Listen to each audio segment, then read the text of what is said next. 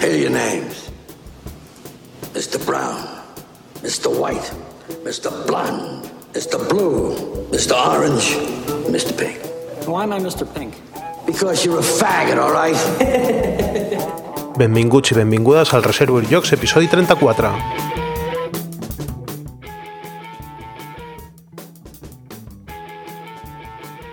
Avui repetim protagonistes eh, d'entrevistes que serien l'Oriol Comas, el Quim Dorca i el Toni Serra de Sant Ferm.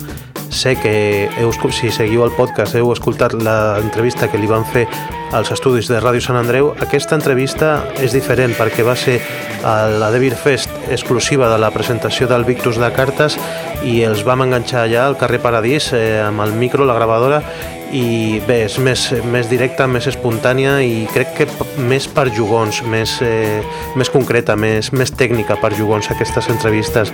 Així que, mm, tot i que semblin els mateixos protagonistes, escolteu-les perquè igual trobeu que hi ha coses diferents a l'entrevista de Ràdio Sant Andreu.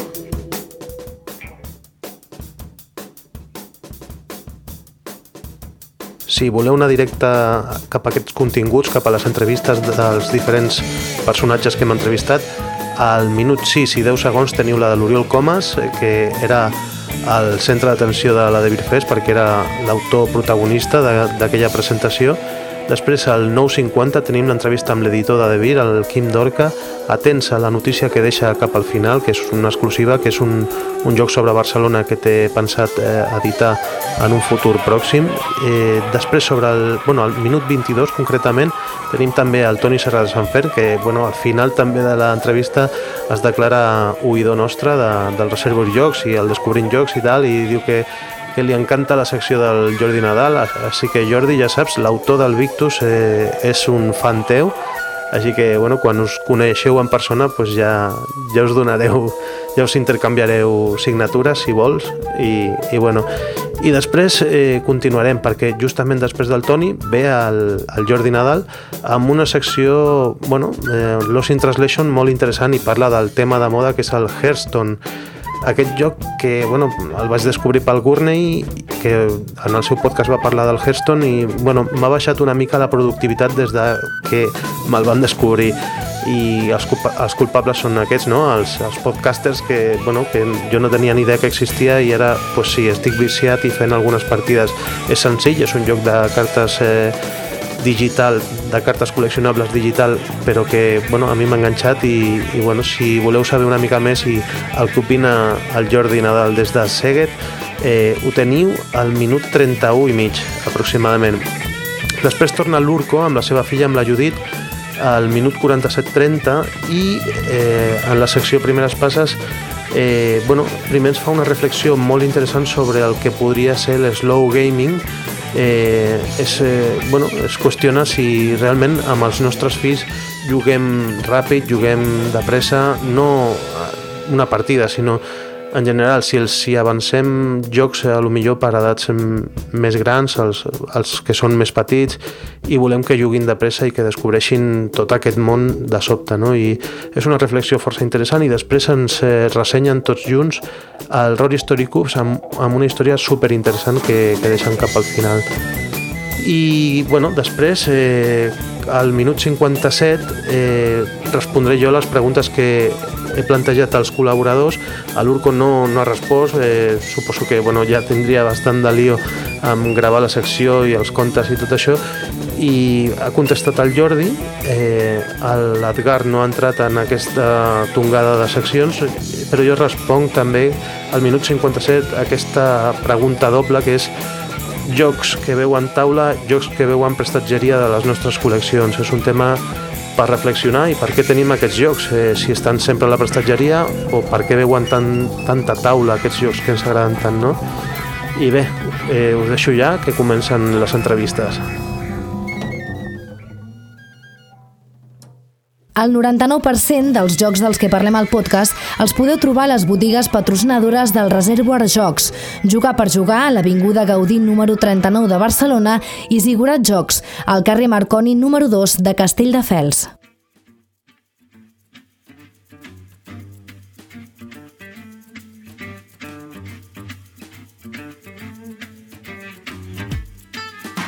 Allà vam estar, al carrer Paradís, el pub irlandès que abans es deia Ryan, si ara crec que ha canviat de nom. És, eh, el carrer Paradís és aquell que, on hi ha la cantonada del Conesa, dels entrepans, eh, doncs pujant cap a dalt, és un carreró estret. Allà De Vir ens té acostumats a convocar-se a la gent, bueno, als aficionats i també als, als, bueno, als mitjans eh, quan fa alguna presentació important o quan, bueno, quan té una trobada de, en societat no? amb, amb la gent jugadora i tal i bueno, era l'ocasió de presentar el Victus de cartes i, i bueno, vam estar allà xerrant i teniu aquesta entrevista que és, eh, són els mateixos personatges com deia abans, però crec que una entrevista complementa l'altra. Mm, crec que és important remarcar que aquesta, cronològicament, va abans que la que van fer després a, als estudis de Ràdio Sant Andreu. Vosaltres heu escoltat primer la segona, que és la dels estudis de Ràdio Sant Andreu, i ara ve la primera eh, bueno, són diferents. Eh, jo crec que una no, no substitueix a l'altra. Vosaltres mateixos podreu jutjar.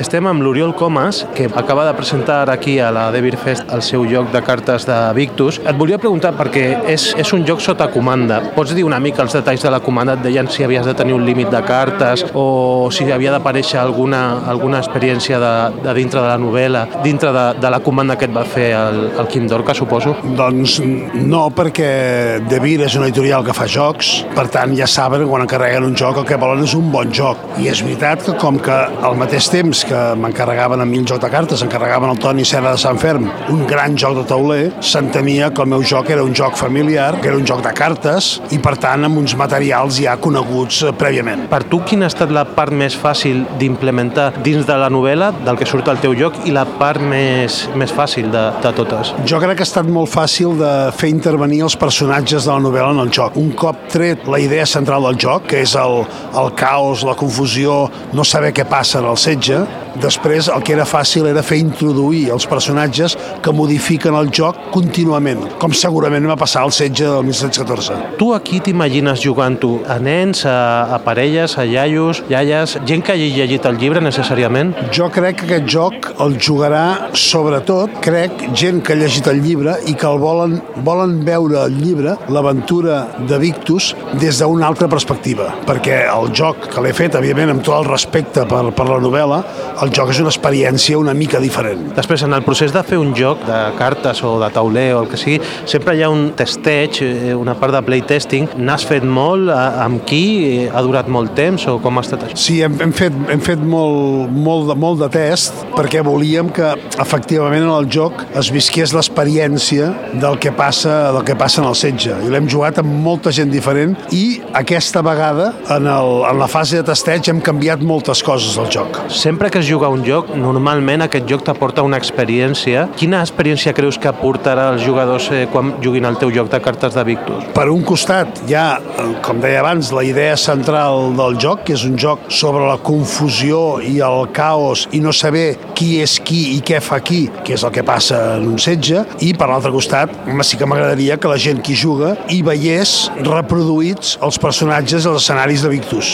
Hem vist la capsa del joc, està molt bé, la veritat, almenys pel meu gust. Com has vist tu el resultat de les cartes, de les il·lustracions? Perquè, clar, tu havies a lo millor presentat un prototip i ara has vist el resultat final. T'agrada com ha quedat? Eh, hauries canviat alguna cosa? Bé, ja se sap que els meus prototips són una autèntica porqueria. Sempre els faig amb, amb cartes, amb lletres, amb signes, amb colors, però he de dir aquesta vegada que la feina del Jordi Roca com a director d'art i del David Percerisa com a il·lustrador ha estat magnífica. Jo crec que han reproduït molt bé, els dos, l'època l'època l'època de Victus i tot el que hi passava. I després de Victus tens més encàrrecs? Faràs algun joc sense encàrrec per, per gust de crear? Tens algun projecte més? Sempre tinc projectes, sempre intento tenir projectes. El, ara mateix estem treballant amb el Mario Serra amb nous jocs. No pots dir res més? Bé, tenim uns quants jocs, són amb el Mario Serra, per tant són lingüístics, els tenim molt avançats i espero que en pocs mesos puguin estar al carrer. I per la mateixa casa se suposa, no? Suposem-ho. Doncs moltes gràcies, Oriol, i esperarem aquests jocs i que la gent disfruti d'aquest Victus de cartes. Gràcies a vosaltres.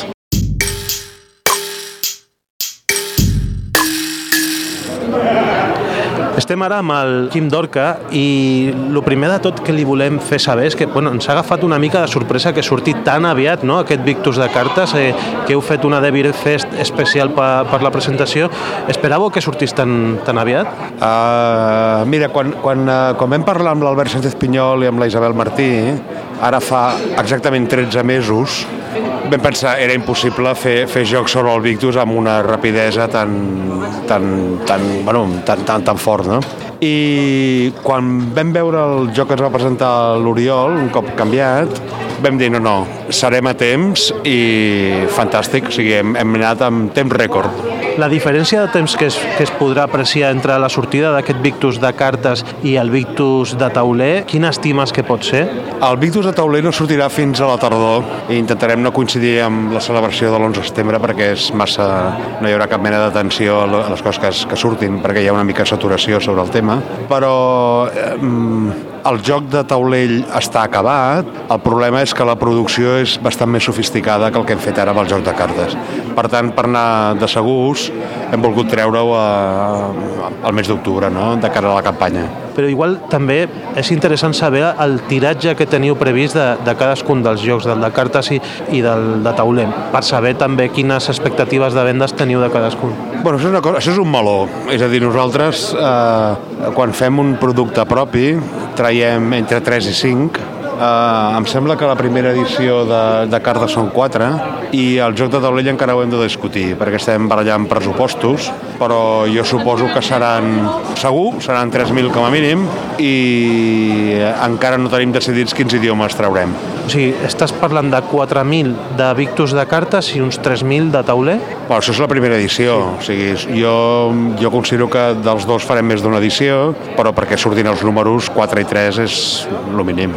Els que més o menys estem al dia sabem quins són els targets de cadascun dels jocs, però tu com a editor, quins t'imagines que seran els targets de, de cadascun d'aquests títols? Mira, nosaltres amb Victus teníem un problema greu, perquè ja havíem encarregat un joc que no era de Victus, sobre el 1614, que era un joc més sofisticat, més, més per jugadors, que l'ha fet l'Ivan Prat, i un cop vam, ens vam enfrontar al tema de Victus volíem fer dues coses. Teníem clar que la gent volia jugar al setge de Barcelona, i el setge de Barcelona també teníem clar que no es podia guanyar, perquè estava abandonats de la mà de Déu i això es anava a perdre. Uh, teníem clar que volíem un semicooperatiu i un joc que tingués uh, el vernís d'un wargame, això no és per tothom, i Victus ha sigut una cosa que ha arribat a moltíssimes llars i a moltíssima gent, uh, per tant necessitàvem un, un segon joc sobre Victus. Aleshores va ser quan li vam dir a l'Oriol Comas de que ens fes un joc familiar amb cartes senzill, que la gent pogués jugar i que tingués tots els elements de la novel·la. La definició que vam fer va ser aquesta, no sé si ens hem equivocat, però al final sortirem al carrer amb dos jocs, un familiar que és un objecte de regal maco i que és un, un filler en termes de, de lo que és el món del joc i l'altre un joc més dur, més, més, uh, més innovador, seguint la línia una mica de lo que estem intentant implantar des de Devir amb disseny propi que anomenem Eurotrash. Temàtic però amb mecànica. Exacte. O sigui, amb molt flavor, amb molt aroma, però amb mecànica dura europea es poden a lo millor vendre Victus de cartes perquè a lo millor cobreixin una mica el sobrecost de producció del Victus de no. tauler? No, no, no, no té res a veure. O sigui, la compte d'explotació de cada joc és diferent, si funciona, funciona, l'altre no funciona, no funciona. El que jo, mira, hi ha una cosa que nosaltres des de Devir eh, tenim molt clar, que és que, eh, per una banda, la, la part bona de la història és que tenim jocs per totes les edats i tots els nivells de complexitat. Però el pitjor que podem fer és no complir les expectatives d'una persona que entri per primera vegada dins del món del joc. Per tant, dins el tema de Victus, que és una cosa que hi ha gent que ho ha llegit amb, molt, amb molta duresa des del, ter, des, de, des del punt de vista de jugador i gent que ho ha llegit d'una manera molt més laxa, havíem de, de, de contentar els dos mercats. Jo no recomanaré el, el, joc, de, el joc del Toni de Serres Enferm a, a tothom. És un joc per jugadors i és un joc que jo crec que té un recorregut internacional. Però havíem de fer un joc per la gent que li agrada la novel·la, que, li, que, que està treta pel, pel tema del 1914 i que sigui de caràcter familiar i que puguin jugar tota la família, amb molt poc compromís de temps i amb molt poc compromís de, de mecànica i complexitat. Per això vam fer el de cartes. Parlem ara de, de la llengua. En un país normal surt un, un joc en, en la llengua del país, però amb Victus eh, quina repercussió pot tenir perquè de moment el joc de cartes ha sortit només en català. Això és un posicionament de marca, com per exemple Moritz, o és màrqueting aprofitant també el tema del tricentenari? No, no, no. no. Jo, jo, jo màrqueting amb, amb, amb el que és la cultura catalana no faig màrqueting. És a dir, jo crec que hi ha un servei que s'ha de donar a la societat, que no és just que, que, que a les famílies o als nanos se'ls digui que ells, si volen jugar un joc de taula, han de passar per l'adreçador i jugar-lo en castellà i se'ls ha de donar en català. Això és el que fem amb Catany, amb Carcassonne i amb tot això. El tema de Victus és complicat, perquè la primera edició de la campana era en castellà i semblava lògic treure-la en castellà però és evident que la majoria de les vendes de Victus han sigut eh, als països catalans i vam considerar que s'havia de treure en català. Però mira, t'ho explicaré millor que en Victus, t'ho explicaré amb el, amb el cas dels catalans de, de l'Ivan Prat jo el trec en català i en anglès, perquè crec que eh, té un potencial relatiu, però que s'ha de fer disponible per quantes més gent que vulgui, jugadors, eh, vulguin atensar-se al joc, millor. Doncs quasi millor fer-ho en anglès que fer-ho en un altre idioma. Però era evident que Victus i una cosa tan nostrada havia de tenir no, no com a màrqueting, sinó com a propi perfil i definició del que som, doncs treure-la en català, evidentment. En una xerrada que vas donar, en una conferència que vas donar, vas explicar que per tu produir un joc era moltes vegades com, com jugar, o sigui, perquè eh, agafaves els components que el creaven i que per tu era molt divertit, no? I era un repte, suposo, creatiu. La tria d'autors i il·lustradors d'aquests dos jocs de Victus, com l'has fet? Perquè, per exemple, l'Oriol Coma sabem que és un home de la casa, però el Toni és la primera vegada que fa una cosa amb vosaltres. El Toni ens va portar un joc molt bo que no som capaços de trobar la forma de produir-lo. I fa dos anys i mig que parlem amb ell. És un home molt fi, a l'hora de, de recollir briefings, eh, de recollir definicions de, de producte. I vam fer, vam fer la tria, vam dir-li el que volíem, amb, un, amb una definició del que estàvem buscant molt seriosa, i ens va tornar de seguida amb una proposta i aleshores vam considerar que era la persona adequada.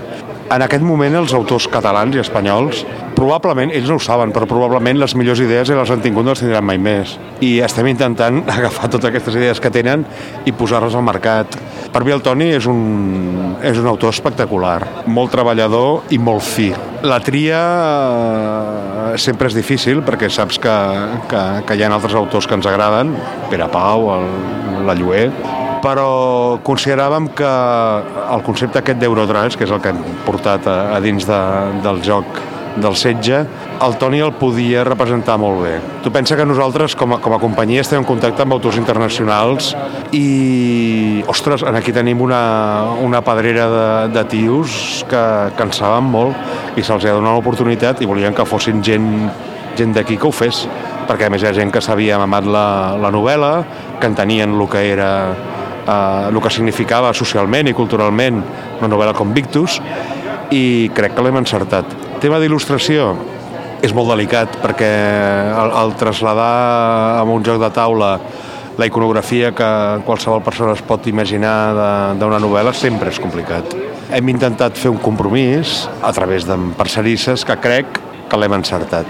Una pregunta que es, que es pot fer la gent és que si, si els autors de llibres estan presents durant la producció d'una pel·lícula del seu llibre, per exemple, d'una adaptació cinematogràfica, aquí quan es fa una adaptació en un joc de taula, els autors, eh, bueno, l'autor del llibre, el Sánchez Pinyol, ha estat present, eh, o ha jugat o ha provat això? Sí, ell va estar tant en la definició dels productes com en el playtest, però ho ha estat perquè és jugador, no perquè és autor. I és una persona que, que és jugadora, que li agrada aquest, aquest tipus d'oci i de cultura, i per això hem incorporat la, les seves suggerències i, i el seu feeling sobre el que estaven fent, però dins d'un ordre perquè fer un joc és probablement molt més complicat que fer una pel·lícula, que és una cosa que a més la gent està molt més entrenada perquè ha consumit molt més del que ha consumit jocs.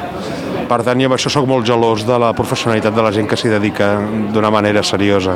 No, i, I hi ha escoles de cinema i no hi ha escoles de, de fer jocs, per exemple. Ni n'hi hauran, ni n'hi hauran. Però bueno, això ho intentarem arreglar, eh? Però se l'ha escoltat perquè de la seva voluntat de fer uns jocs sobre Victus ha nascut tot aquest projecte. És a dir, eh, ell és un jugador i volia tenir-ne, i tenia unes idees sobre això que creiem que nosaltres hem canviat, però millorat, però ho hem fet més comercial, però ho hem fet més per satisfer la gent que li agrada el llibre. Però, evidentment, s'ha escoltat la seva opinió, tant d'ell com de l'Isabel Martí, que és l'editora. Ell és jugador de, de Wargames eh, o, o va suggerir un Wargame d'inici? Tu vols saber moltes coses. Ell veia més un joc, tal com el va explicar, molt més matemàtic, de contraposició d'avançament de trinxeres en contra de, del focus defensiu en parts de la muralla però jo no, era, era massa sofisticat i massa de jugador matemàtic, per entendre'ns, i tenia poc aroma del que la gent crec que necessitaria per comprar el joc.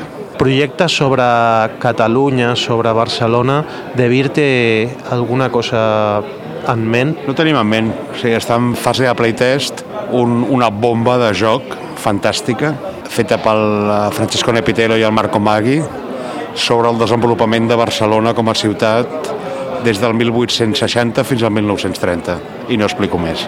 Tu ets un enamorat de Barcelona i creus que Barcelona mereix un lloc també amb, amb cara i ulls, no? Home, si hem de treballar referents propis per abastar el mercat internacional, hem de mirar el que tenim que sigui potent. El país, eh, la marca número 1 que té és la ciutat. I és la ciutat i és el desenvolupament que va tenir a finals del 19 i primers del 20 i és aquest esperit de de, de conquesta de lo impossible i crec que això és un valor intrínsec de la societat que podem exportar.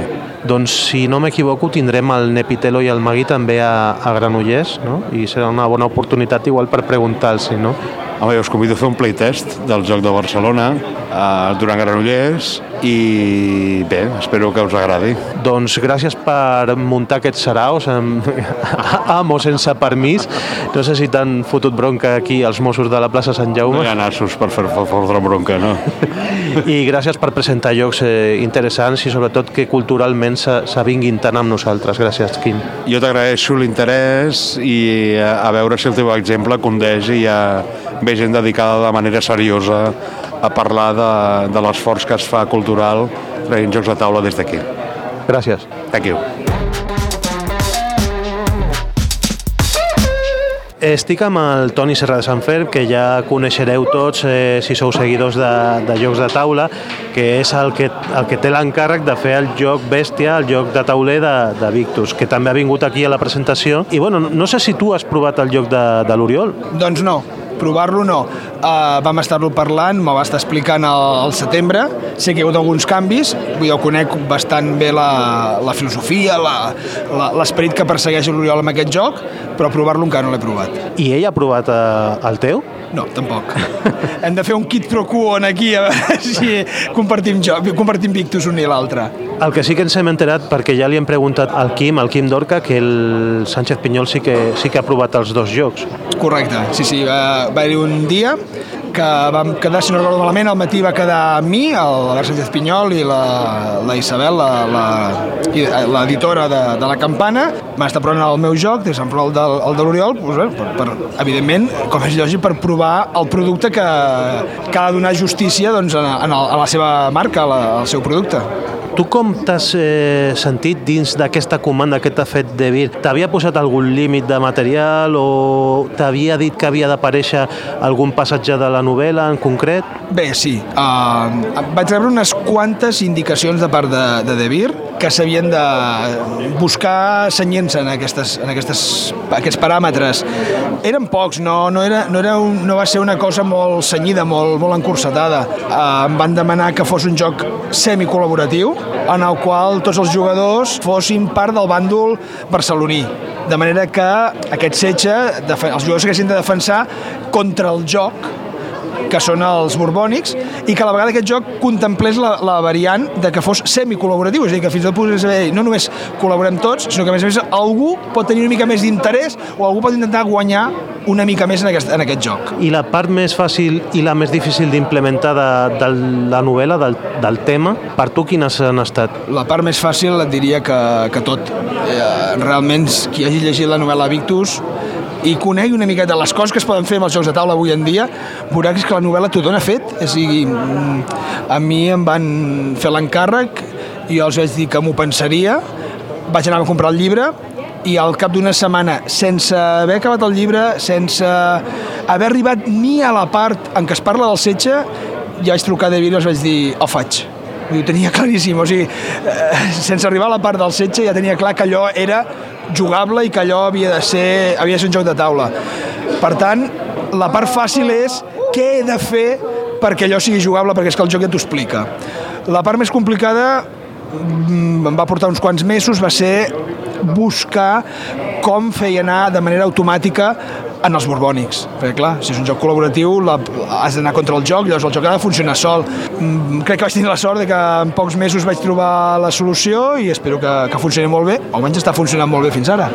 En aquests tipus de jocs la gent s'imagina que la intel·ligència artificial, si es pot dir intel·ligència artificial als borbònics, que igual funcionen amb un motor de cartes. Eh, seria això o encara és més complex? Vaig agafar una miqueta l'estructura o, o el recurs del motor de cartes, de, del Card Driven Game, però buscant-li una miqueta eh, al punt de que els jugadors, al ser col·laboratiu, al ser tots del mateix bàndol, juguen cartes, però les cartes que es juguen són les que les juguen a favor dels borbònics. És a dir, volia buscar eh, la sensació aquesta de que tot el que nosaltres juguem és en contra nostra. Buscar aquesta sensació de, de perdició, d'anar agobiats, de veure que que no pots, no pots, no pots i que has d'aguantar com puguis. Una miqueta buscant la sensació, tot i ser un joc de taula, havia de recrear la sensació que transmet el llibre. I tu aquí t'imagines jugant finalment a, a quan surti el Victus de tauler al teu joc? Potser do, dos tipus de, de, de, de jugador. Per un costat, el jugador habitual. No és que sigui un joc excessivament complicat, crec que no ho és, però el reglament serà un reglament llarg per lo que acostumen a ser els estàndards més habituals, més familiars. Vale? Per tant, eh, ha d'afrontar-s'hi algú que estigui acostumat a llegir-se algun reglament. Amb això no vull que siguin 50 pàgines, però, però bueno, que qui esperi un reglament de llegir en 5 minuts no serà això. Per tant, aniré dirigit als jugaires, als que estan acostumats a jugar. Vale?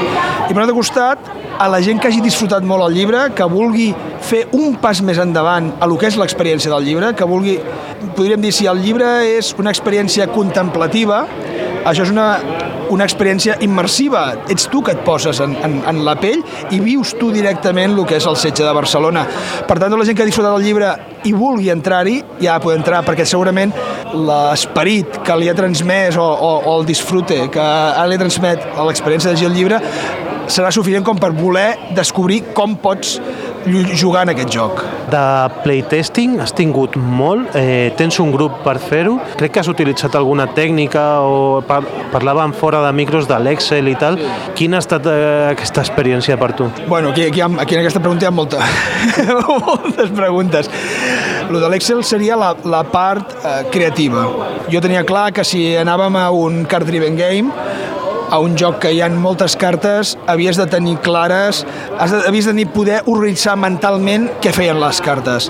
Unes cartes que tenen texta, però també tenen valors, per tant, tu has de crear unes cartes que en global produeixin un efecte. I l'única solució és buscar eh, tècniques d'estadística, de, podríem dir, etc etc. És a dir, eh, vull que una sèrie de cartes provoquin més, més efectes de pèrdues o més efectes de guanys. pues, he de treballar conjuntament la, la, les cartes cartes. I això, mmm, estic abassat a treballar amb l'Excel, vaig decidir fer servir l'Excel. També una miqueta, una com a curiositat, fa molt temps vaig, vaig mm, llegir que la J.K. Rowling, per treballar a Harry Potter, treballava amb Excels, i és una cosa que sempre havia quedat, i ara ho he, ho he pogut aplicar a l'Excel per, per, per l'organització de, i la creació de les cartes de, del Victus.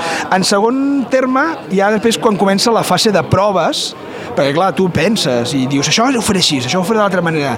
Però després quan comences a provar-ho dius això falla per tot arreu. Llavors eh, això vaig demanar a, a Devir que volia crear un equip de desenvolupadors un equip de desenvolupadors que han treballat molt, molt, molt intensament amb mi cada setmana, de manera que es creava una dinàmica de que una setmana quedàvem, jugàvem, apuntàvem totes les coses que s'havien de canviar i fins al següent setmana doncs jo em dedicava a destruir totes les cartes, a destruir els mapes que havien fet servir i creava no, noves cartes adaptant als canvis que havien fet. Això em va permetre evolucionar molt ràpid, que d'altres maneres, quan ets autor eh, freelance, que crees un joc perquè t'agrada, aquest procés s'allarga normalment molt, molt en el temps.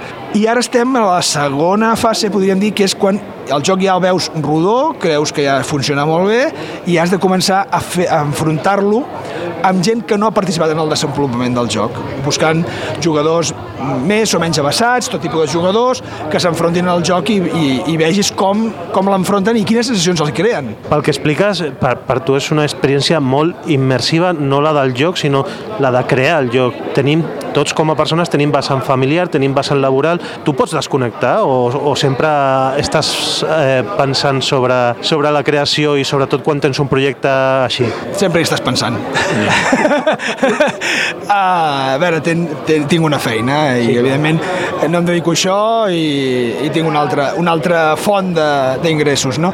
A fora d'això, dediques tant temps com pots, pots dedicar a far de la família, doncs dediques a, a, a l'afició, no? Bueno, suposo que més o menys com tots els que tenim una afició, doncs el, el temps de lliure el dediques a el que t'agrada. En el meu cas, dormo poc dormo molt poc, llavors són hores de son que s'han de sacrificar. Tinc la sort de que formo part del Club de Rol de Granollers, que fa 25 anys que treballem, llavors aquí ja tinc un grup de, de gent que m'ha ajudat moltíssim, que, que m'ha ajudat a fer el desenvolupament de, del joc, i llavors, doncs, bueno, amb això som el que vas tirant.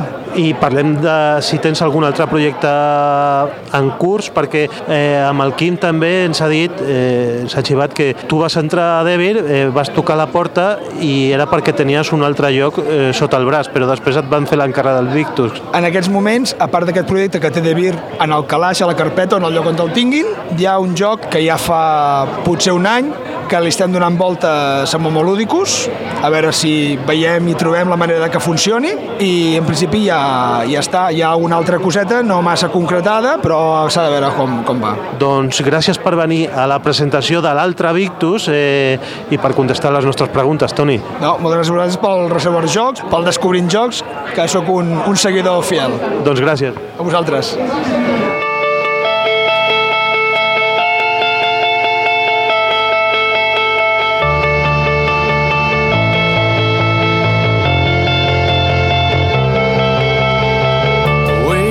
Què tal companys? Benvinguts a la secció Lost in Translation. Us parla Jordi Nadal des de Seguet, Hongria. A la secció d'avui contestarem a la pregunta que ens fa aquesta setmana, bueno, aquest mes en Miquel, i després parlaré d'algun que altre joc, tot i que tot dependrà del que m'enrotlli amb la pregunta, així que anem per feina. La pregunta de Miquel diu així dels vostres jocs, quin és el que més taula veu o ha vist i quin sabeu que es passarà la vida del prestatge, però, tot i així, el voleu conservar per algun motiu en concret? Per què? El per què suposo que és per què el volem conservar i la veritat és que és una bona pregunta. Bé, mm, comencem pels que més taula han vist. Per mi, sense comptar Màgic, que ha vist molta taula, perquè, com vaig comentar alguna altra secció, eh, jo jugava molt a Màgic i bueno, doncs són molts anys jugant a Màgic i, i res, aquest seria el, el joc que més he jugat i en tant que joc de taula com a joc de taula jo crec que podríem dir els colors de Catan perquè me'l vaig comprar i vaig estar com dos anys només jugant aquell joc bàsicament per ignorància de que existien altres jocs de taula jo em pensava que tots eren molt... Bueno, el que pensa tothom si no coneix els jocs de taula moderns. Monopoly i coses així, el Trivial i cosetes així. Vaig descobrir els Colonos i el Carcassonne i vam jugar, però moltíssim. En cap d'uns anys doncs, ja vam, vam descobrir l'agrícola i va ser com un veure la llum. I ja no vam tornar a jugar a escola, no? O sigui, allà estan morts de fàstic a l'armari. Un altre joc que he jugat moltíssim i desgraciadament últimament no jugat tant és l'Identi, que és un party game de dibuixar que és super divertit, o sigui, tinc molts bons records de fer partides amb aquest joc amb els meus amics i de pixar-nos de riure dels dibuixos que feia la gent, o sigui, la gràcia del joc és que un descriu un dibuixet i els altres l'han de dibuixar i qui descriu el dibuixet doncs ha de procurar una mica tipus el Dixit, doncs que no tothom el dibuixi perfecte, però que qui més que menys la, el facin més o menys bé. Surten situacions molt divertides, has de dibuixar molt ràpid, la... surten dibuixos horribles, bueno, és molt divertit, el recomano moltíssim, jo encara el tinc i crec que ja he jugat amb totes les targetes pràcticament, tot i això eh, no, no m'importa repetir alguna targeta, tot i que clar, jo ja he jugat algun cop, ja em sé com va, però no, no passa res. El joc que més he jugat aquest any, sense comptar Netrunner, que per cert, crec que porto 140 partides a dia d'avui, 140 partides i només les vaig començar a comptar a partir de gener.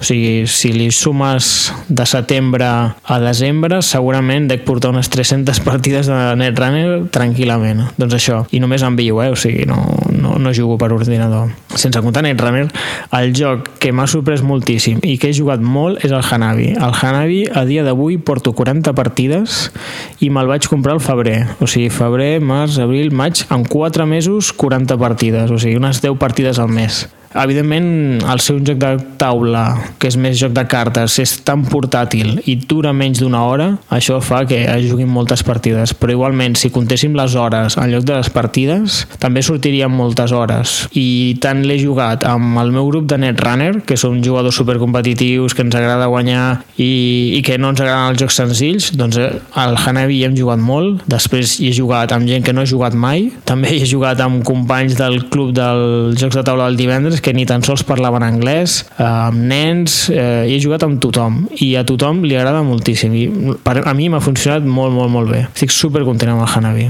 I bé, ara passem als jocs que menys taula veuen, desgraciadament, tot i que segurament ens agradaria que veiéssim més taula. El primer ve ser màgic, perquè, clar, doncs primer és el joc, el, que, el joc que més he jugat, però, clar, de farà anys, i fa molts anys, doncs que no toco les cartes, però, tot i així, les tinc a l'armari, ocupen molt d'espai però em fa, em fa ben cosa vendre-la. No sé per què exactament, però és com un... No, si, si algun dia torno, és que mai, mai se sap, mai se sap. Estan allà mortes de fàstic, de tant en tant m'agafo un àlbum, així amb les cartes maques, i me'l miro només per, jo què sé, per, perquè em vingui la nostàlgia, però res, en general estan a l'armari mortes de fàstic. Un altre joc que tinc a l'armari mort de fàstic, i això sí que és més aviat un joc de taula, és el Juego de Tronos segona edició, el joc de, de taula, no el joc de cartes. Aquest joc a mi té una història peculiar. O sigui, bàsicament va ser el primer joc que em vaig comprar després dels Colonos i tenia moltes esperances posat en ell, però no ens va funcionar. No sé exactament... Per... Bueno, sí que ho sé, i ara ho explicaré. Però el fet és que el meu grup no va quallar. El, el problema que vaig tenir amb aquest joc... Bueno,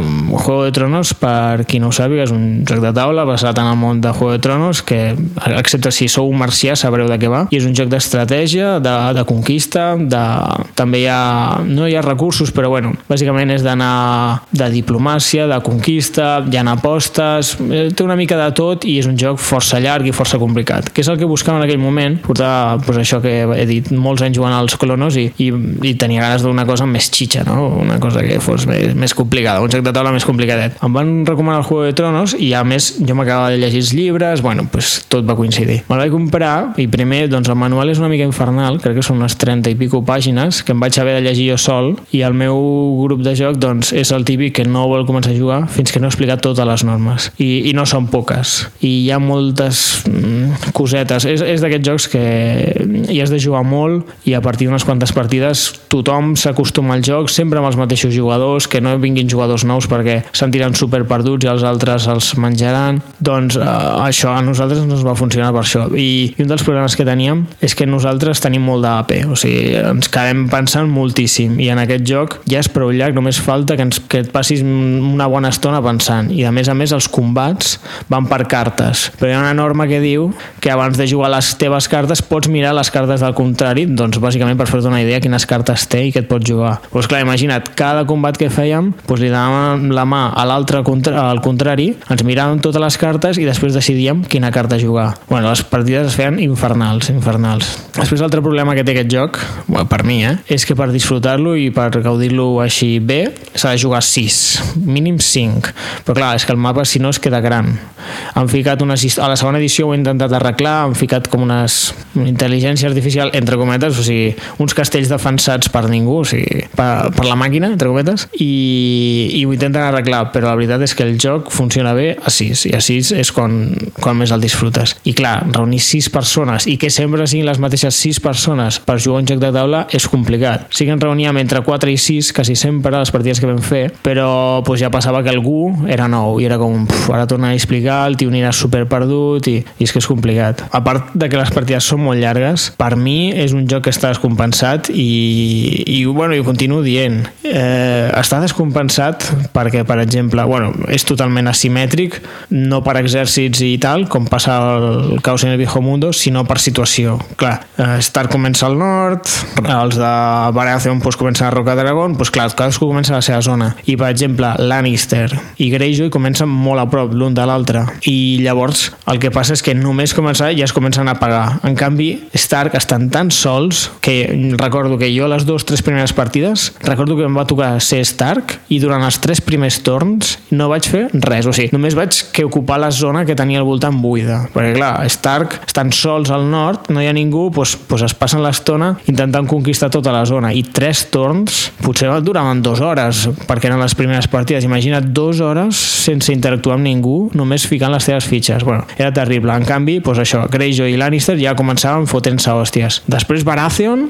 quasi sempre ens guanyava perquè al voltant té un munt de castells que, que no són de ningú i que pot anar a conquistar fàcilment. Bueno, no ho havia dit, però el joc es guanya conquistant set castells. És un joc de conquistar territoris, però el que determina qui guanya o quan s'acaba la partida és que algun jugador tingui set castells. Doncs això, Baratheon crec que guanyava moltes partides perquè al voltant no tenia gaire gent, o sigui, Lannister i Greyjoy es, es embolicaven entre ells a pagar-se, Stark estava allà sol intentant conquistar les seves terres i, i Greyjoy tenia relativament fàcil per conquistar uns castells fàcil, uh, ràpidament. I Tyrell també estava una mica despenjat al sud. Tot i això, en el grup de jocs de taula del, dels divendres uh, hi ha un grup d'unes 8 persones que sempre juguen a aquest joc. A vegades falta un, a vegades falta un altre, però pràcticament cada divendres hi ha gent que juga a Juego de Tronos, de fet, a la primera edició, i els agrada tant que s'han comprat la segona edició. O sigui, bueno, pues, suposo que és, que és cosa meva.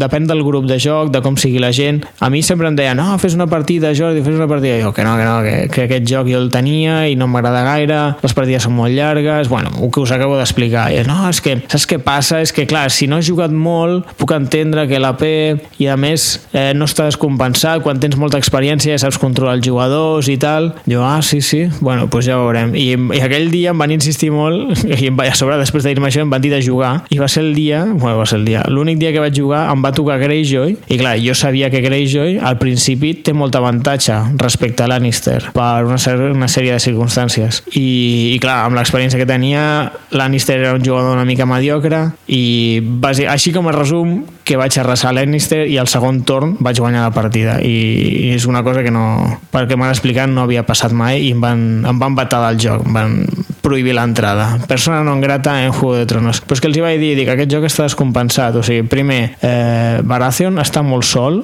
i segon, eh, Greyjoy al principi pot simplement atacar Lannister i pràcticament destruir-los. I és el que vaig fer i vaig conquistar set castells ràpid i és que va acabar la partida al segon torn que és una cosa super rara però molt, molt, molt rara. I el divertit va ser que primer van anar dient no, clar, és que si no has jugat molt el joc no està compensat, ja ho entenc i clar, la P, doncs clar, és que si no tens gaire experiència i al final, pum, els hi vaig guanyar el segon torn, pobres. Va quedar per la història. Ja, bueno, ho dolent és que no, no em deixen tornar a jugar, és la part dolenta. Doncs això, com a resum, Juego de Tronos. Uh, jo crec que depèn del grup, però el meu no va funcionar, me'l vaig comprar. Vam fer unes 5 o 6 partides, no, no crec que més, i és que no he tornat a veure taula. I el tinc allà a l'armari i, i és el que diu el Miquel a la pregunta. Per què? Per, per què tens el joc a l'armari i, no, i si no el treus i té pinta que no el tornaré a treure? És que no se'm fa cosa vendre. Jo per, ara per ara encara no m'he venut cap joc de taula i és que em, em fa cosa i tampoc en tinc tants. Suposo que quan comenci a tenir problemes d'espai doncs la, la cosa canviarà i serà un quan pues en trec un i entra un altre. I a més, com que en compro tan poquets a l'any, tampoc és allò que dius, és que m'estic deixant els diners, saps què, me'n venc un, compro l'altre. Com que no me'n compro gaires perquè fins que no els exploto molt no m'agrada comprar un altre i a més pues, els meus amics també es compren jocs, doncs per aquestes circumstàncies no m'acabo de comprar més jocs i no me'ls acabo de vendre, però realment el tinc a casa, mort de fàstic des de tranquil·lament farà dos, tres anys que no el jugo i ui, és una pena perquè està nou i algú el podria aprofitar o fins i tot li, ens podríem canviar un joc o jo que sé, o trec uns euros i me'n compro un altre, però no, el tinc allà a casa mort, mort de fàstic. Un altre joc que fa molt que no veu taula és el Power Grid, l'alta tensió del company del cabell verd. Eh, la raó bàsicament és que me'l vaig comprar comprar, ens va agradar molt, vam fer moltes partides, però al, al relativament poc temps em vaig comprar l'agrícola i clar, llavors és un, per què jugant al de tensió si tinc l'agrícola? És que per, en tots els sentits m'agrada més. L'únic que potser podria treure l'alta tensió en lloc d'agrícola és per sis jugadors, però és que igualment no em ve de gust jugar 6 a l'alta tensió. O sigui, no em ve de gust jugar a 6 a un joc de, la, de col·locació de treballadors i a més no sé si enganyaria 5 persones per jugar-hi. Llavors, des de que em vaig comprar l'agrícola, doncs l'alta tensió ha sigut totalment renegat, abandonat i el, això, la mateixa circumstància. El tinc a l'armari mort de fàstic. I és una circumstància ben curiosa, això de que és que fa cosa vendre el joc, no? És que no, no, no em convenç això d'haver-lo de despatxar. I bé, un cop contestada la pregunta de Miquel, volia parlar avui sobre el Hearthstone. Sí, un altre trending topic. El Hearthstone és un, no és un joc de taula, és un joc d'ordinador, però que bàsicament és un LCG, bueno, un CCG, un joc de cartes col·leccionable tipus màgic, eh, tipus, bueno, tipus aquests jocs que les cartes et venen aleatòries en un sobre i n'has d'anar comprant per fer-te les baralles. Eh, no vull fer una ressenya del joc perquè crec que se n'ha parlat moltíssim i a més el temps no em sobra, però volia comentar la raó per la qual he començat a jugar jo. Jo he començat a jugar bàsicament perquè molta gent m'ha dit que hi comenci a jugar. O sigui, tinc molts amics que normalment no juguen a jocs de taula, bueno, normalment no juguen mai a jocs de taula, mai han jugat a Màgic ni a res semblant, però que s'han enganxat al Hearthstone i jo crec que és la gran virtut d'aquest joc i és que està uh, enganxant bueno, enganxant, està fent començar a jugar a gent que mai de la vida hauria pensat jo que jugaria en un joc com aquest. Per exemple, jo jugava al Call of Duty el, un shooter de la PlayStation 3 un joc de disparar i teníem allà un, com un clan, un grup que ens reuníem doncs, pràcticament cada nit i, i jugàvem una estona i, i la majoria doncs, són els típics xavals o gent més gran de diferents edats, des de 15 fins als 35 anys, que sempre han jugat a la consola i a l'ordinador, però de jocs de taula res de res. Doncs la majoria d'aquests nois ara estan jugant al Hearthstone i molts sobretot a partir de que han fet l'aplicació per, per l'iPad, perquè molts tenen l'iPad, era gratis, van començar a jugar i es van enganxar. I és, un, és el típic jugador que mai de la vida mm, pensava que jugaria en un joc com aquest. Tot i que pues, jo a els he intentat enganxar, i sobretot a alguns més que altres, doncs això que, vinga, portaré un joc de taula i fem una partida i bueno, juguen, ni, els, ni fu ni fa, però però, però no s'enganxen, no, no es compren el joc, no diuen que el portis més. Llavors ja no, no cal molestar i portar-lo més cops. Però en canvi amb el Hearthstone doncs s'han enganxat, estan jugant moltíssim i em van dir, hòstia Jordi, juga, estem jugant aquest joc. I jo això, que m'ho vaig mirar i va ser com un, hòstia, però si això és un, és un màgic, és un màgic però més senzill. I haver-ho fet tan senzill, que les partides són tan ràpides, la veritat és que els de Hearthstone, els senyors de Blizzard, eh, es mereixen un aplaudiment perquè han fet un molt bon joc, que potser és molt senzillet i tal, però que està enganxant a molta gent i està fent que molta gent que no s'acostava als jocs de taula o als jocs de cartes col·leccionable que s'acostessin. I res, així com a últim apunt de, de nota negativa d'aquest joc, a mi encara no m'ha passat, però el meu grup de Netrunner eh, hi ha jugat força i em diuen que res, que per ells al cap d'un mes s'han avorrit, perquè el joc no els hi dona més, no té la profunditat que té altres jocs de cartes col·leccionables, no, no és el mateix eh, que Netrunner, que, que fa anys que juguen, bueno, fa anys, des de que va sortir, que ja estan jugant i no se'n cansen. En canvi, el Hearthstone això, després d'un mes ja, ja se'ls ha passat una mica al mono, les ganes de jugar. I bé, companys, això ha sigut tot per avui. Espero que us hagi agradat la secció. Qualsevol tipus de comentari i feedback serà benvingut i res, ens veiem a la propera a la secció de Lost Translation. Apa, adeu, fins aviat.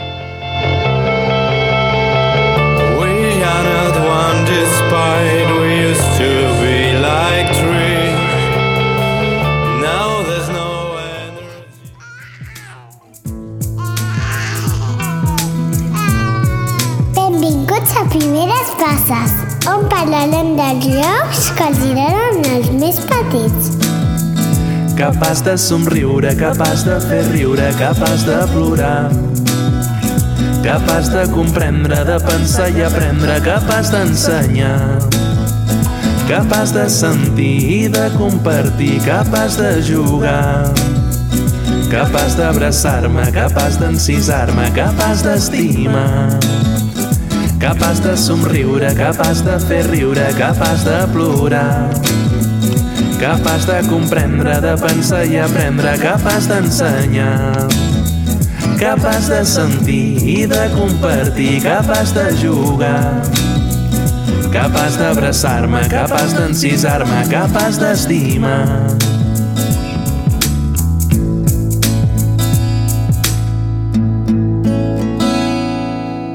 Avui farem dues seccions, com sempre. Primer parlarem d'una petita reflexió de, de com juguem amb els nostres petits i després amb la Judit explicarem un joc. I en aquest cas, com és un joc molt curtet, tindrem la partida gravada, que també és molt divertit. La petita reflexió d'avui ve provocada per, per un llibre que es diu Elogi de l'educació lenta i que m'ha fet pensar també si juguem amb els nens en presses. No per la pressa en si mateixa, sinó perquè moltes vegades parlem amb, d'altres pares o fins i tot per la BSK o algun altre foro no? parlem de, de, ostres, no? el meu nen ja només té aquests anys i ja ha jugat al joc o ja ha intentat fer tal cosa o ja juga partides aquí o, o ja juga a una agrícola i és petit o, no? i en el fons potser aquesta pressa que tenim tots moltes vegades no? perquè els nens juguin amb nosaltres o perquè creixin més de pressa no? no ens fa reflexionar en, en potser com jugar lentament amb ells l'elogi de l'educació lenta ens fa reflexionar sobre l'educació, sobre si saturem els nens amb continguts, sobre si els intentem ensenyar massa coses i ens fa una crítica que potser llavors no paeixen bé, no poden pensar bé i tranquil·lament, no? I en el fons no els deixem créixer al seu ritme, que llavors per intentar que aquests continguts o aquestes activitats apreses les puguin reaprofitar més positivament al futur, o puguin estar molt més enriquits, ens fa que, que tinguem una cuina ràpida i uns nens més aviat saturats i poc enriquits. No? Una de les coses que aquests llibres destaquen molt és que la tendresa requereix el seu temps i una educació amb tendresa i un estar tranquil·lament no? fa que la, a, aquests continguts que potser ens sembla que els estem proporcionant més lentament fent les coses pausadament al final tenen molt millor resultat i al final són coneixements que queden i que poden ser utilitzats a llarg plaç i en el fons això és molt més beneficiós. Llavors, com juguem nosaltres amb els nens?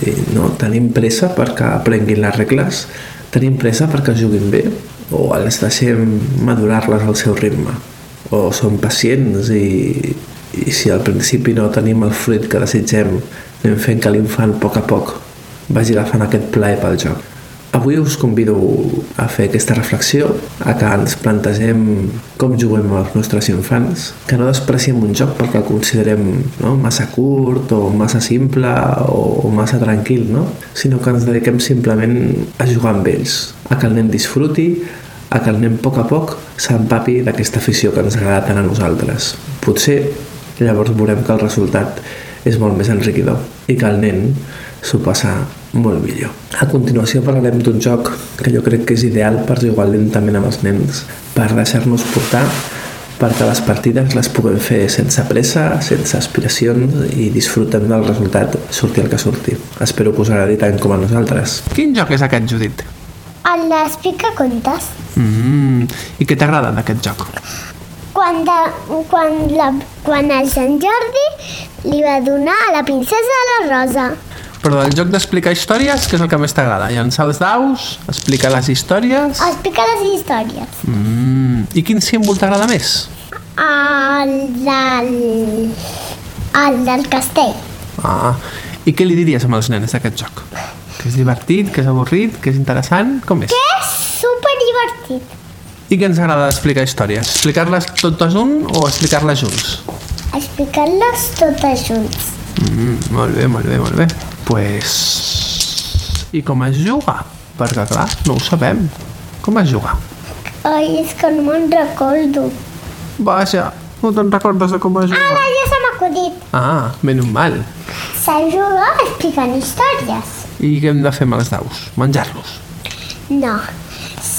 En uns daus hi ha unes imatges que es pot, es pot indicar paraules que són molt interessants per explicar les històries. Anda, que xulo. I anem agafant cadascun dau per explicar una història? Sí. Mm. Vaja, vaja. Pues gràcies per explicar-lo. Espero tu... History Cubes és un petit joc, però que té una gran diversió amagada. Són nou daus, cadascú amb un símbol amb cadascuna de les seves sis cares, i no té més, no té més components, bueno, unes petites instruccions. A les nostres botigues el podem trobar editat a Masmodé, traduït al castellà, però en el fons no té gaire més, perquè és visualitzar les imatges i jugar. I atessora, crec recordar que uns 8 premis a les seves esquenes, perquè aquesta senzillesa i aquesta facilitat en el fons són les seves grans virtuts. I ara escoltarem un conte amb una partideta de les que hem fet amb la Judit. Esperem que us agradi tant com a mi. Havia una vegada a una casa que era molt rara i estaven supercontents perquè era el dia de el tio i tenien un bastó, però va entrar una veia i els hi va prendre el bastó. Oh, van decidir que havien d'aconseguir trobar el bastó. Per això van anar a consultar a la tortuga Cassiopea, que era molt sàvia i segur que els hi podria dir com trobar el bastó. Però va venir uns monstres amb avió que eren molt dolents i els estaven perseguint. Mm. Per sort, van arribar a un castell on hi havia un cavaller que els va ajudar a foragitar tots els monstres. Però hi havia 10 monstres. Hi havia 20 menys monstres que venien d'un que venir, que venien d'una tenda de campanya i van ajudar els altres monstres als perseguir-les. Mm. Ah. Però el cavaller va agafar un munt de fletxes i va aconseguir espantar tots els monstres. I la tortuga els hi va dir trobareu el pal per cagar el tió en un lloc que està molt protegit. Però on estaven les fletxes hi havia un candau i s'havia perdut la clau. Mm, per sort, entre tots es van posar a buscar i en trobar-la i obrir el candau van trobar el bastó per cagar el tió i molts contents els nens i el cavaller van anar a dir la cançó. Quina cançó és? Caga, tio, de baianes i torró, si no vols cagar, donaré un cop d'estó. Caga, tio. I molt contents tots van estar quan el tio va cagar. I com t'ha acabat? Com t'ha explicat? I van cagar monedes de xocolata i, sa... i estan molt contents perquè els encantava la xocolata blanca. Mmm, que bona, eh? He de confessar-vos que després de sentir algun conte que vam gravar amb la Judit i al final, a part d'aquest que heu poder sentit, vam gravar algun més per fer una prova, la tentació de, de gravar-los tots va ser gran. Però llavors vaig pensar, haver de buscar la gravadora, haver de posar-la i llavors posar-nos a jugar, quan en el fons el més divertit és llançar els daus i deixar-nos emportar per aquestes històries que formem i teixim entre les dos, no val la pena. Avui us hem compartit un, però a partir d'ara aquests contes, efímers i encantadors, quedaran només entre la meva filla i jo, que em dona el privilegi d'imaginar i ser un nen amb ella cada cop que jugo. Capaç de comprendre, de pensar i aprendre, capaç d'ensenyar. Capaç de sentir i de compartir, capaç de jugar. Capaç d'abraçar-me, capaç d'encisar-me, capaç d'estimar.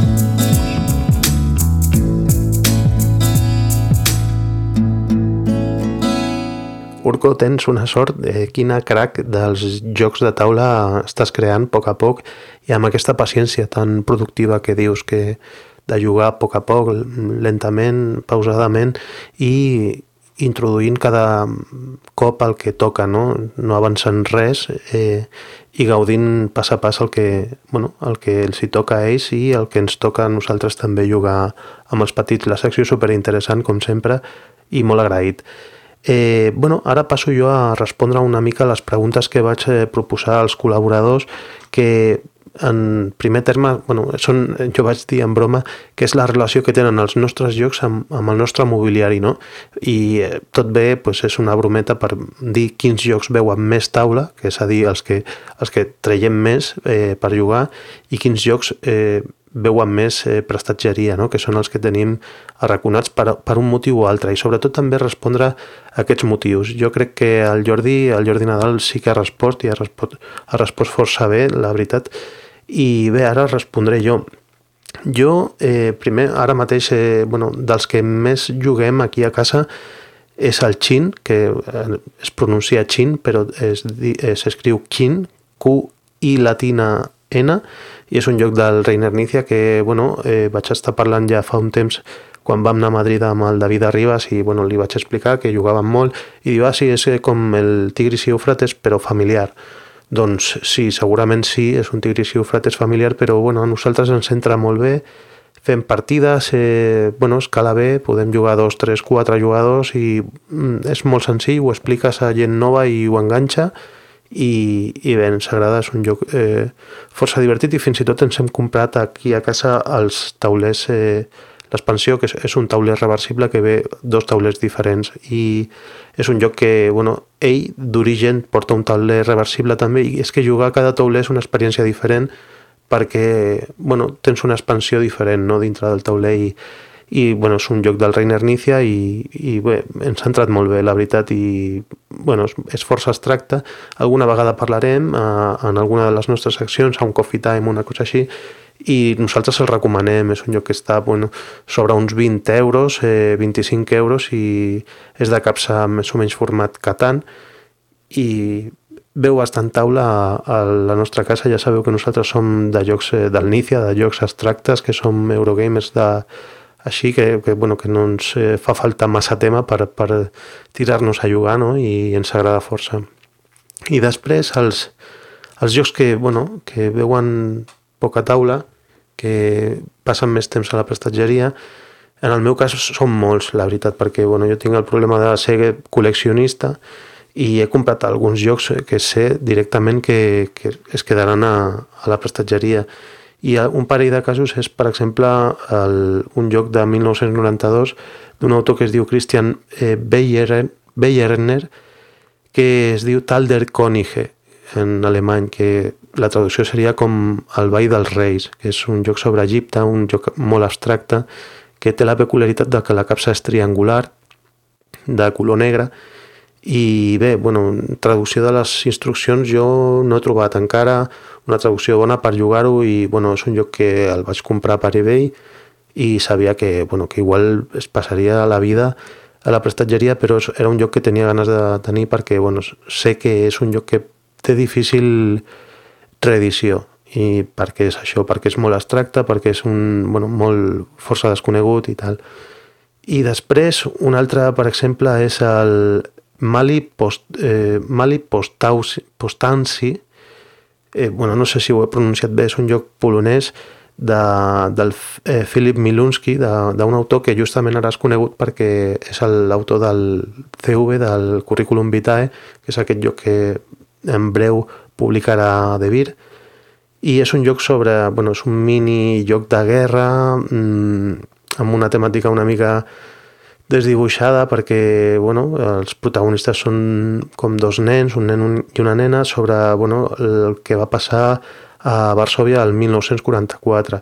És un lloc que és, només va tenir sortida a Polònia i bueno, vaig poder fer una comanda a una botiga online polonesa i bueno, me'l van servir juntament amb un altre que és eh, la versió polonesa del, del joc del Reiner Nícia, La Gran Muralla Xina, que allà també li van canviar el tema i van fer bueno, una temàtica sobre les cartilles aquestes de racionament de, de l'època comunista i jo crec que és la millor versió de, del joc La, muralla xina, la gran muralla xina del Reiner Nícia mm, perquè, bueno, perquè està guai que un, que un editor polonès eh, editi, tema, eh, editi jocs i faci eh, l'esforç de buscar un tema que s'avingui molt amb, amb, amb una part històrica no, seva i, i si veieu podeu buscar l'editor és el mateix que el del Mali Post Townsy aquest que és Egmont. Si busqueu Egmont i el seu catàleg, eh, bueno, veureu el Mali Postaunsi aquest del Philip Milunsky i també veureu l'altre, que ara no me'n recordo com es diu, és un nom bastant impronunciable, polonès, i, i bé, els dibuixos són, són molt guais, també molt de l'època mm, socialista, mm, eh, bueno, això gairebé d'urs, eh, per dir-ho d'alguna manera, de, de Polònia, no? I bé, aquestes són les meves respostes. Si hagués de dir, ara mateix diria això, igual podria dir més jocs, no? Perquè tinc altres jocs també que són edicions estrangeres i tal, i que per mi són difícils de jugar, però són molt fàcils de mantenir en, en la meva col·lecció per això, perquè m'agrada tenir-les. Molts, fins i tot, els he presentat amb, en paper fil perquè no els entri la pols ni res perquè sé que els conservaré. Igual algun dia els jugo, no, no ho dubto, però de moment estan en la col·lecció més per col·leccionar que per jugar. I ara ja, per acabar, us deixo amb una cançó, que és una cançó, bueno, que és la cançó nostra, la de la Neida i meva, que és una cançó que el títol és en alemany, però la cançó és en anglès també. Eh, és, es diu Bei mir vis du schon, que bueno, segurament ho he dit fatal, eh, és una cançó que té la seva història mm, perquè realment és una cançó que està feta en hebreu, però bueno, després la van traduir i tal, i en anglès, i bueno, té, parla sobre les llengües i la complementarietat de les llengües per dir que al final amb la persona que estàs pues, és la més gran que, i et fa gran també a tu, no? I és el que a nosaltres ens passa, no? Que crec que, bueno, ja, ja veieu que m'ha aguantat totes aquestes històries no, de, del podcast, de les jornades de, de mil històries i té la santa paciència d'aguantar-me i bé, ja fa 8 anys que estem junts i avui em vull acomiadar amb aquesta cançó que és una versió, perquè bueno, d'aquesta hi ha moltes versions, aquesta és de domini públic perquè és una gravació que es va fer al 1938 el, el 16 de gener de 1938 i està interpretada per Martha Tilton en directe. És una cançó que podeu trobar també a, a la banda sonora de la pel·lícula Rebeldes del Swing o Swing Kids en anglès. Una pel·li super recomanable, la veritat, eh, per explicar als nens, als, bueno, als nens, als joves, als instituts, una mica com poden ser els extremismes. Eh, els hi posen una pel·li que és la de American History X, jo crec que aquesta pel·li, la d'American History X, és una merda comparada amb Rebeldes del Swing per explicar el mateix.